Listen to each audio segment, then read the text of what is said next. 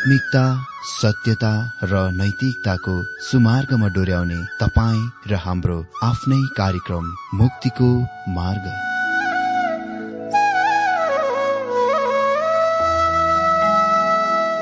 आदरणीय श्रोता यस मुक्तिको मार्ग कार्यक्रममा हार्दिक स्वागत छ।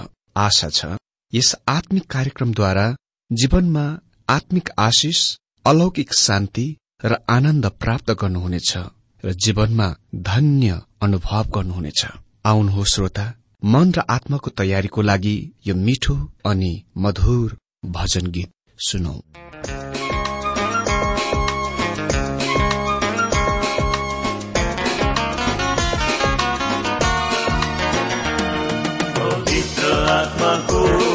उपस्थितिमा प्रशंसा गरौँ। आत्माको उपस्थितिमा स्तुति प्रशंसा गरौँ।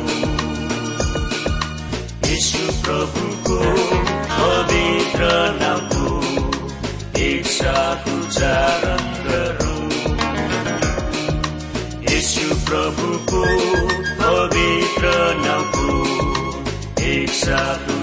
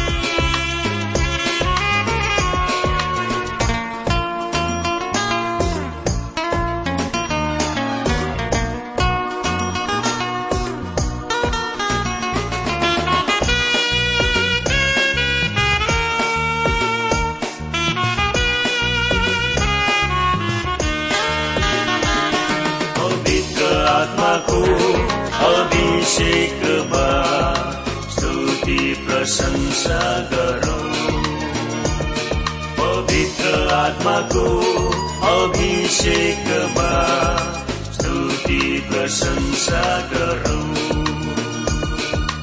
यीशु प्रभुको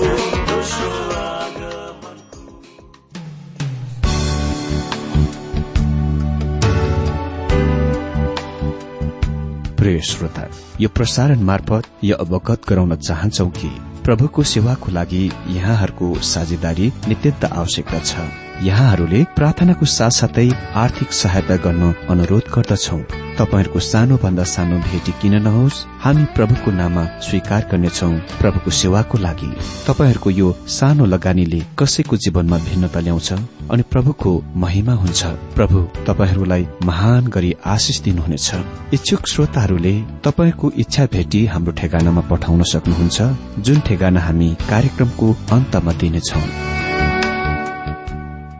प्रिय श्रोता मित्र प्रभु येशु ख्रिष्टको मधुर अनि सामर्थ्य नाममा आज पनि मेरो यहाँ सबैलाई जयमसी साथै हार्दिक स्वागत छ आजको यो बाइबल अध्ययन कार्यक्रममा।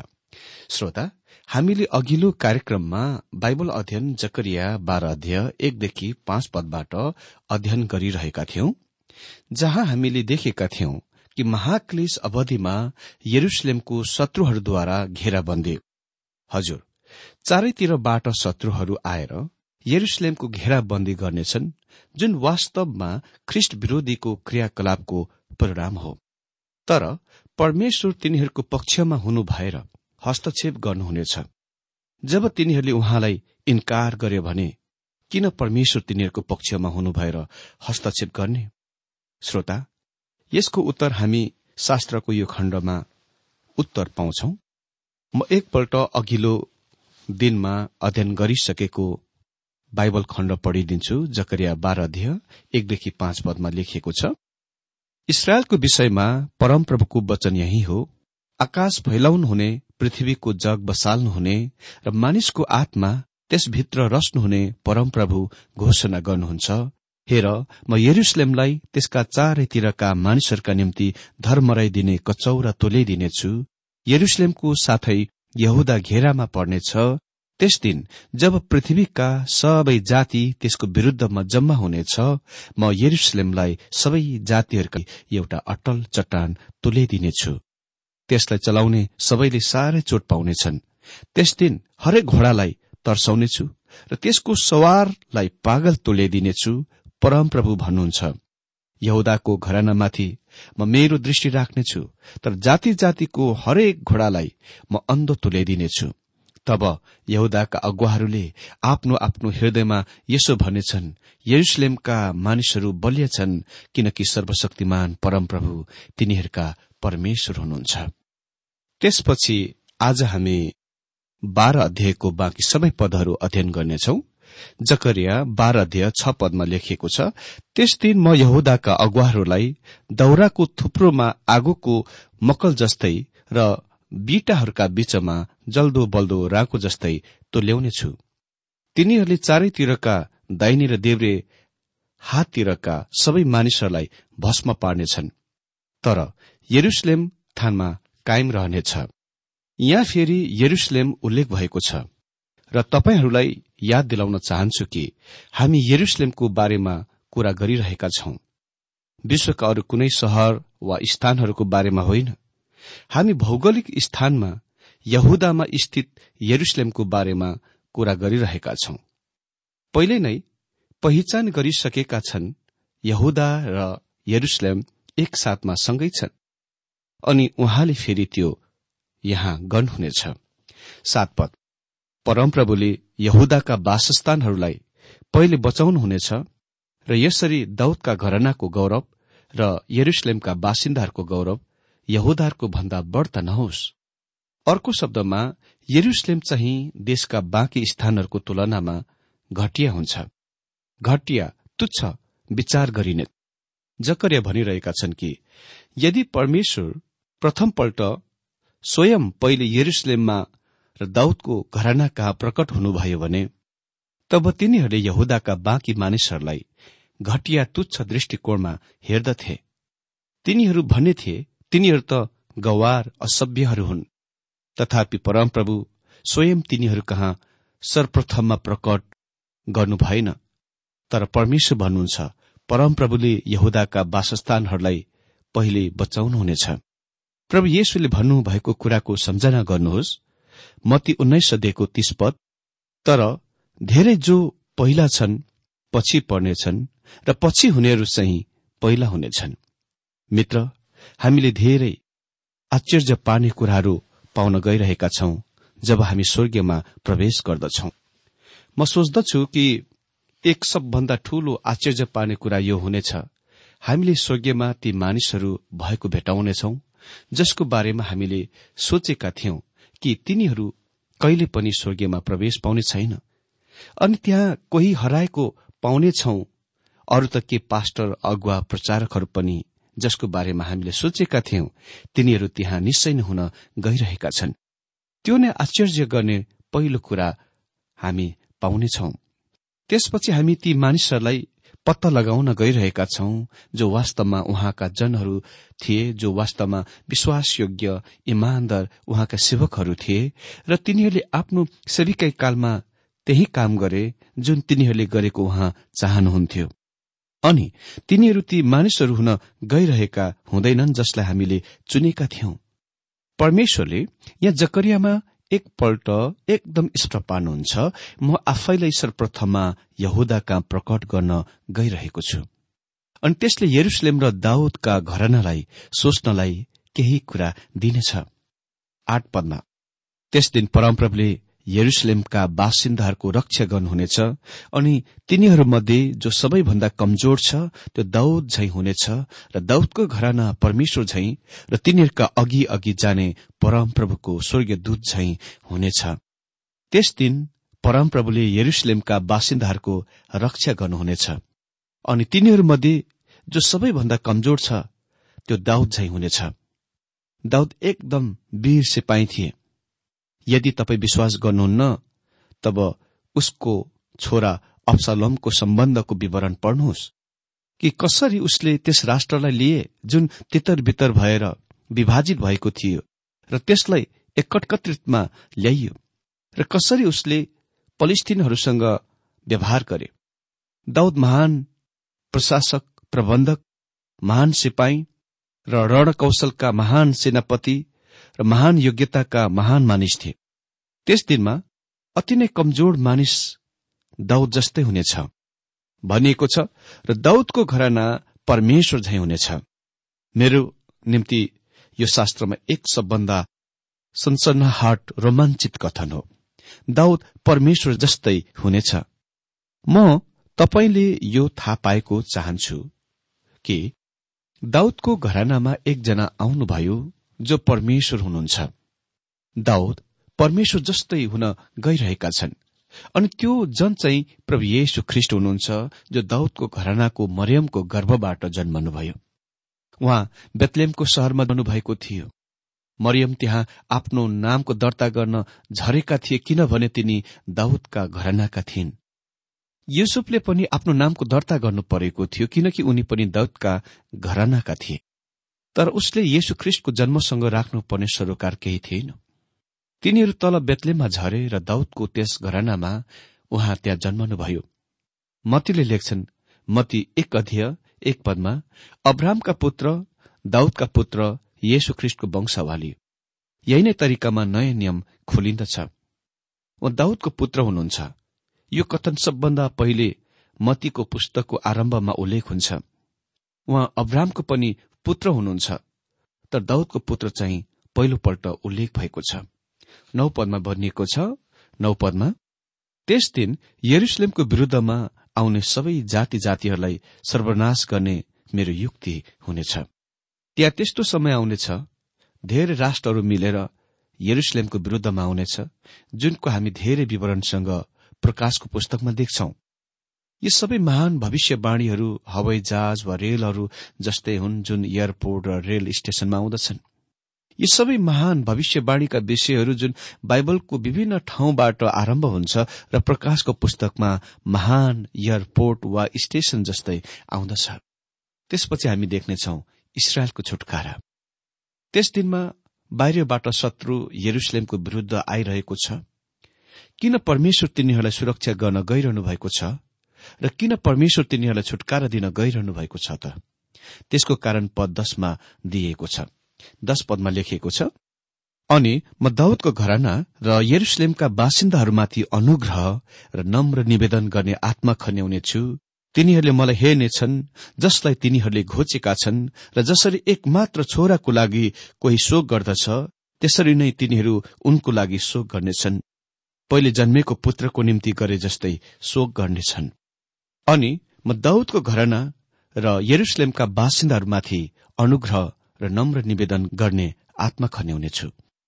यो नै एक कारण हो कि वर्तमान समयमा केही यहुदीहरू आफ्नो मुलुकमा फर्किआउने कुरा शास्त्रको कुनै पनि भविष्यवाणीको परिपूर्णता होइन। शास्त्रले यहाँ मात्र स्पष्ट पार्दैन तर यो युवलको पुस्तकमा पनि कि परमेश्वरले तिनीहरूमाथि अनुग्रहको आत्मा पवित्र आत्मा खन्याउन गइरहनु भएको छ। उहाँले यी मानिसहरूमाथि यो अवधिमा पवित्र खनिदिनुहुनेछ तिनीहरूमाथि आउने पवित्र आत्माको खनिएको कारण तिनीहरू साक्षीहरू हुनेछन् र उहाँले तिनीहरूलाई महाक्लेश अवधिमा सुरक्षा गर्नुहुनेछ। प्रकाशले त्यस दूतको विषयमा बताउँछन् जसले यी मानिसहरूमाथि छाप लगाउँछन्। प्रकाश सातको चार पदमा पढ्छौ तब मैले मोहर लगाएकाहरूका संख्या सुने। तिनीहरू एक लाख चौवालिस हजार थिए र तिनीहरू इसरायलका सन्तानका प्रत्येक कुलबाट थिए। यो एक लाख चौवालिसको मतलब यो हो कि हामी तिनीहरूलाई इसरायलका रूपमा जान्दछौ जो त्यस मुलुकमा बस्दछन्। यसले अरू कुनै मानिसहरूको संकेत गर्दैन जस्तो कि कोही कोहीले कुनै आधार बेगर आफ्नो झुण्डहरूको आफ्नो सम्प्रदायको निम्ति दावी गर्दछन्। यो तथ्यहरूमाथि आश्रित हुन्छ अनि प्रकाशको पुस्तकले यसको अति नै स्पष्ट पार्दछ कि यो हरेक बाह्र कुलबाट बाह्र हजार मानिसहरू हुन्। यदि तपाईँ ती एक लाख चालिस हजार मध्ये आफैलाई एकजना भएको दावी गर्नुहुन्छ भने तपाईँ आज उद्धार नपाएको हुनुहुन्छ। यदि स्वर्गीय यात्राले ऱ्याप्चरले स्थान लिए तपाईँले पृथ्वीबाट उठाइ लगिएर छोड्नुहुने छैन तर महाक्लेशमा प्रवेश गर्नुहुनेछ। जब तिनीहरूलाई छाप मोहर लगाइनु पर्दछ त्यसकारण एक लाख चौवालिस हजारले आज हामीसँग भएका कुनै मानिसहरूको झुण्डहरूलाई संकेत गर्दैन तर यसको मतलब इसरायलका मानिसहरूको बीचमा निश्चित झुण्ड हो। त्यहाँ अर्को ठूलो मानिसहरूको झुण्डका छाप वा मोहर लगाइनेछ तर हामीलाई तिनीहरूका संख्या दिइएको छैन। तिनीहरू अन्य जाति हुन् जो त्यस महाक्लेश अवधिमा छाप मोहर लगाइनेछन्। तिनीहरू महाक्लेश अवधिमा भएर जानेछन् र त्यस दिनमा परमेश्वरको लागि साक्षीको लागि उभिछन् जब चर्च वा मण्डली पृथ्वीबाट उठाइ लगिनेछ मेरो शास्त्र बुझे अनुसार पवित्र आत्माले पृथ्वी छोड्नुहुन्न तर उहाँ बेगले अर्कै सेवामा हुनुहुन्छ। त्यस बेला त्यस काम गराइतिर फर्काउनु हुनेछ जुन उहाँले पेन्टिकोस्टको दिनभन्दा अघि पहिले गर्नुहुन्थ्यो। त्यसको मतलब उहाँ निश्चित मानिसहरू कहाँ आउनुहुनेछ। जकरियाले हामीलाई भन्छ कि त्यस मुलुक फर्की आउने बाँकी बचेका रेमनेन्टहरूमाथि पवित्र आत्माको खनै हुँदछ। मलाई लाग्दैन तिनी उन्नाइस सौ अडतालिसमा जब एक राष्ट्र बनेदेखि यस्तो कुनै कुरा तिनीहरूमाथि भएको छ। तिनीहरूमाथि पवित्र आत्माको खने आएको छ मलाई त्यो लाग्दैन। जब पवित्र आत्माको खनैले स्थान लिन्छ तिनीहरूले अर्थात इसरायलीहरूले ख्रिस्टलाई आफ्नो उद्धारकर्ताको रूपमा थाहा गर्न स्वीकार गर्न गइरहेका छन्। छ। तिनीहरूले मलाई हेर्नेछन् जसलाई तिनीहरूले घोचेका छन् र जसरी एकमात्र छोराको लागि कोही शोक गर्दछ त्यसरी नै तिनीहरू उनको शोक गर्नेछन्। यो महान प्राचितको दिनको परिपूर्णता हुनेछ जब तिनीहरू उहाँमाथि हेर्न गइरहेका छन्। तेह्र अध्यायले यस विषयलाई हाम्रो निम्ति धेरै गरेर स्पष्ट पार्दछ।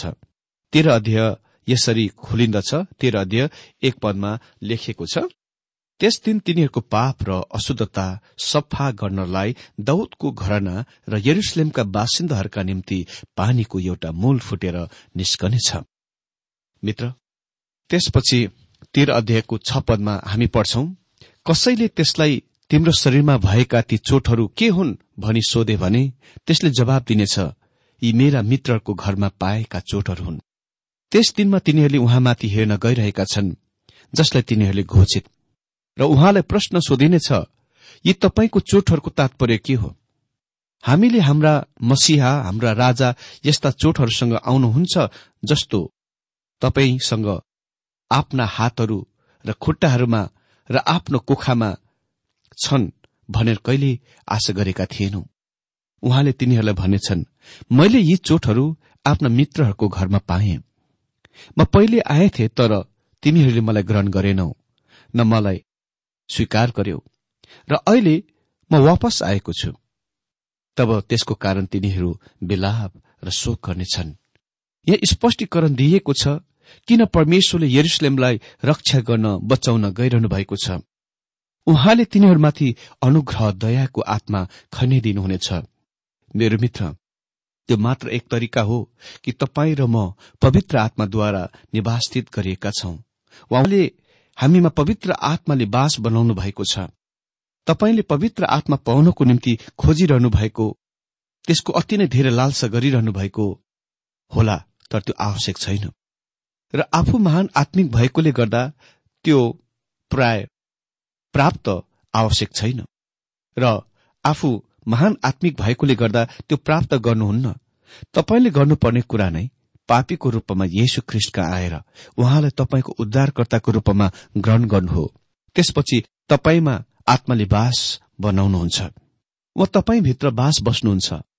पाउले कुरेन्थिन क्रिस्चियनहरूलाई बच्चा संसारिक शारीरिक क्रिस्चियन भने तैपनि उसले तिनीहरूको सम्बन्धमा भनिसके पहिले कुरन्ती छ दिएको उन्नाइस पदमा तिमीहरूको शरीर पवित्र आत्माको मन्दिर हो जुन पवित्र आत्मा तिमीहरूले परमेश्वरबाट पाएका छौ र उहाँ तिमीहरूभित्र बास बस्नुहुन्छ भने तिमीहरूलाई थाहा छैन? तिमीहरू आफ्ना स्वयंका होइनौ। उहाँ दया अनुग्रहको आत्मा हुनुहुन्छ। म अति नै महान आत्मिक भएकोले वा अरू कुनै व्यक्तिभन्दा अलिक मजबुत आत्मिक व्यक्ति भएकोले उहाँ ममा बास गर्नुहुन्न र मलाई भरिदिनुहुन्न। अनि म कति पनि त्यस्तो महान आत्मिक होइन र म पनि मानिसहरू भएकोले केही न केही क्षेत्रमा कमजोर छु र त्यसकारण यो उहाँको दया र अनुग्रहको कारणले नै यी कुराहरू उहाँ गर्नुहुन्छ। अनि यही नै तरिकामा उहाँले यो इसरायलको लागि गर्न गइरहनु भएको छ। उहाँ म प्रति अति नै धेरै दयालु र अनुग्रही हुनु भएकोले उहाँ यी मानिसहरूप्रति उहाँ अनुग्रही दयालु हुने कुराको लागि म कुनै विरोध गर्ने छैन। मित्र इसरायलले उहाँलाई थाहा पाउनेछ जब पर्दा तिनीहरूका आँखाबाट हटाइन्छ जुनको पाउलले दोस्रो कुरन्ती तेह्र अध्यायको तेह्रदेखि सोह्र पदमा उल्लेख गर्छन् त्यो पर्दाको मतलब होइन कि तिनीहरू उत्तरदायी जवाबदेही छैनन् कुनै समयमा तिनीहरूमध्ये कुनै न कुनै आफ्नो हृदय ख्रिष्ट प्रति फर्काएका छन्। पाउले यसको एकदम स्पष्ट पार्दछन् कि त्यो पर्दा हटाइनेछ उसले ख्रिष्टलाई आफ्नो उद्धारकर्ताको रूपमा देख्नेछन्। मेरो मित्र यो आज कुनै पनि पापीको निम्ति सत्य छ। तपाईँ यसकारण पापैमा गुम र निन्दित हुनुभएको छैन। किनभने तपाईँले सुसमाचार सुन्नुभएको छैन। तपाईँ त्यो फल्ना फल्ना अनि त्यो फल्ना फल्ना कारणले फल्ना फल्ना कुराको कारणले पापैमा गुम र निन्दित हुनुभएको छ। तपाईँ आज यसकारण पापैमा गुम र निन्दित हुनुभएको छ किनभने तपाईँले येशु ख्रिष्टलाई इन्कार गर्ने निर्णय बनाउनु भएको छ। त्यसको जवाब दिए अरू कुनै कुरा छैन तर हामी आफै नै हौ। मित्र यो उहाँको अनुग्रहद्वारा भए तापनि तपाईँ र म परमेश्वरको अद्भुत महान असीम अनुग्रह लागि प्रतिक्रिया जनाउने उत्तरदायित्व छ।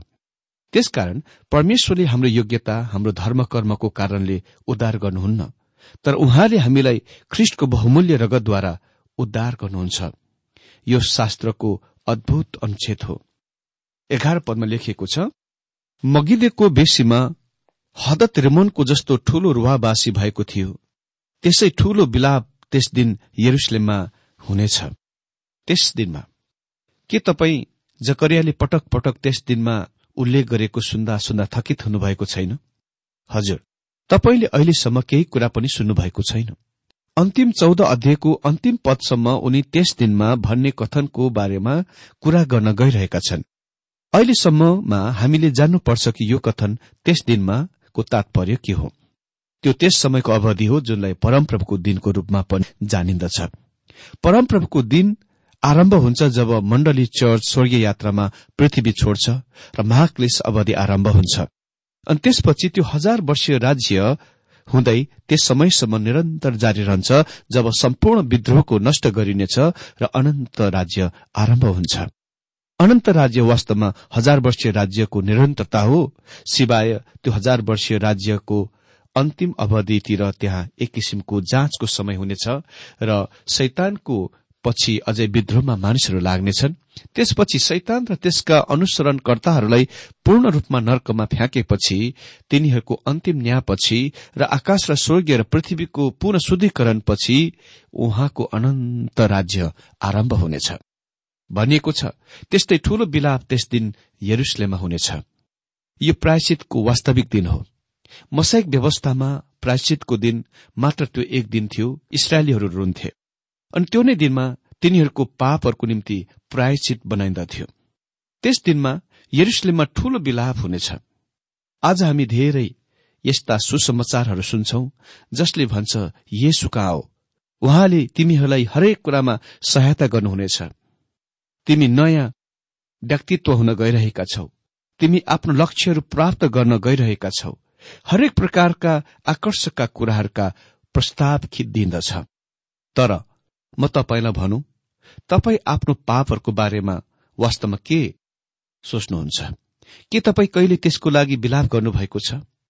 के तपाईँ पापी हुनुभएकोले भएको कुराको आभास गरेर त्यसले तपाईँको हृदयलाई कहिले तोडेको छ? यो नै एक कुरा हो यो निकम्म प्रचारकले तपाईँलाई यसै समयमा भन्न सक्छ। जब म आफ्नो पछाडिका जीवनतिर हेर्दछु र मैले विगत भूतका गरेका कुनै कुराहरूको देख्छु यसले मेरो हृदयलाई टुटाइदिन्छ। त्यो त्यसको लागि नै मेरो उद्धारकर्ता मर्नुभयो। ख्रिस्टियन जीवनमा प्रस्ताव रूपी विलाप र शोक हुनै पर्छ। आज एउटा के कुरा कमी भइरहेको छ भने हराइरहेको छ भने जुन पुरानो दिनहरूमा मेथोडिस्ट वेदीमा हुने गर्दथ्यो। ती सभाहरूमा स्त्री र पुरूषहरू वेदीमा ख्रिस्टलाई ग्रहण गर्न रोँदै आउँथे। तर आज म त्यो अति नै कम देख्छु। तिनीहरू हाँस्दै मुस्काउँदै आउँछन्। यो सोच्दै कि तिनीहरूले नयाँ व्यक्तित्व पाउन गइरहेका छन्। मेरो मित्र सत्यता यो हो। तपाईँ उहाँको दृष्टिमा भ्रष्ट सडेको गन्ध फोरी पापी हुनुहुन्छ र तपाईँका असल कामहरू उहाँका नजरमा खराब कुराहरू हुन्। उहाँले भन्नुहुन्छ हाम्रा धार्मिकताहरू उहाँको दृष्टिमा गन्ध फोहोर मैला कपडा जस्तै छन्। यदि मेरो धार्मिकता गन्ध फोहोर कपडा हो भने मेरो गन्ध कपडा झन कस्तो छन्? यो सोच्नुहोस् त। यदि तपाईँ र मैले आफैले त्यही तरिकाले देखे जुन तरिकामा परमेश्वरले हामीलाई देख्नुहुन्छ हामीले आफै स्वयंलाई बुझ्न सक्ने थिएनौं। हामी हाम्रा आत्मनिर्भरता सेखीबाट मुक्त हुने थियौं।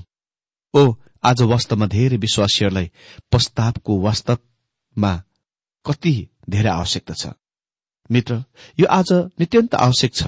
विश्वासीहरूले पापहरूको प्रस्ताव गर्न। मगिदोनको बेसीमा हदद रिमोनको जस्तै।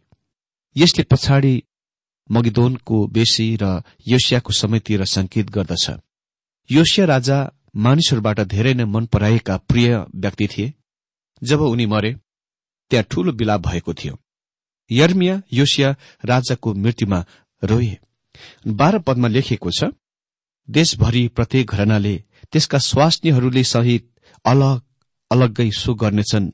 दाउदका घरनाहरू र तिनका स्वास्नीहरू नातनका घरनाहरू र तिनका स्वास्नीहरू। यसको मतलब तिनीहरू व्यक्तिगत तरिकामा गरिनेछन्। अनि आज यस्तो व्यक्तिगत रूपमा एकान्तमा हामीले धेरै प्रस्ताव गर्न आवश्यक छ। तेह्र र चौध लेबीका घरनाहरू र तिनका स्वास्नीहरू सिमीका वंश र तिनका स्वास्नीहरू बाँकी रहेका सबै वंशहरू र तिनका स्वास्नीहरू विलाप गर्नेछन्। यो वास्तविक विलाप अनि शोक हुनेछ। कति महान पाप तिनीहरूले गरेथे तिनीहरूले आफ्ना मसिहाको इन्कार गरे जब उहाँ पहिलो पल्ट आउनु भएको थियो। यो कुराको सोच्दै जब उहाँ दोस्रो पल्ट आउनुहुँदा त्यो के जस्तो हुनेछ? त्यहाँ कोही कोही छन् जसले सुसमाचार सन्देश सुने त्यसको इन्कार गरे। म तपाईँलाई भनौँ त्यो दिन पृथ्वीमाथि आइरहेको छ जब उहाँ फेरि आउनुहुनेछ। यदि आज तपाईँले उहाँको आवाज सुन्नु भए आफ्नो हृदयलाई कठोर नपार्नुहोस्। आफ्नो हृदय खोल्नुहोस् र ख्रिस्टलाई आफ्नो उद्धारकर्ताको रूपमा ग्रहण गर्नुहोस्।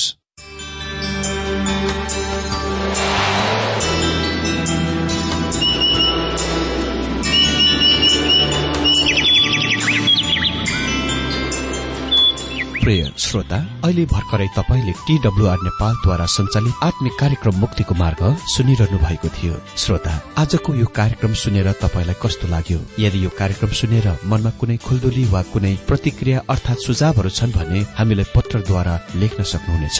हामी हृदयदेखि नै स्वागत गर्नेछौ स्वीकार गर्नेछौ साथै बाइबल सम्बन्धित प्रचारहरू कार्यक्रम सारणीहरू हामी अनुरोधमा पठाउन सक्छौ। अनि तपाईँसँग कुनै प्रार्थनाको विषय छन् भने हामीले तपाईँको लागि प्रार्थना गरेको चाहनुहुन्छ भने प्रभुमा आफ्नै परिवार सम्झेर हामीलाई पत्रमा लेख्न सक्नुहुनेछ।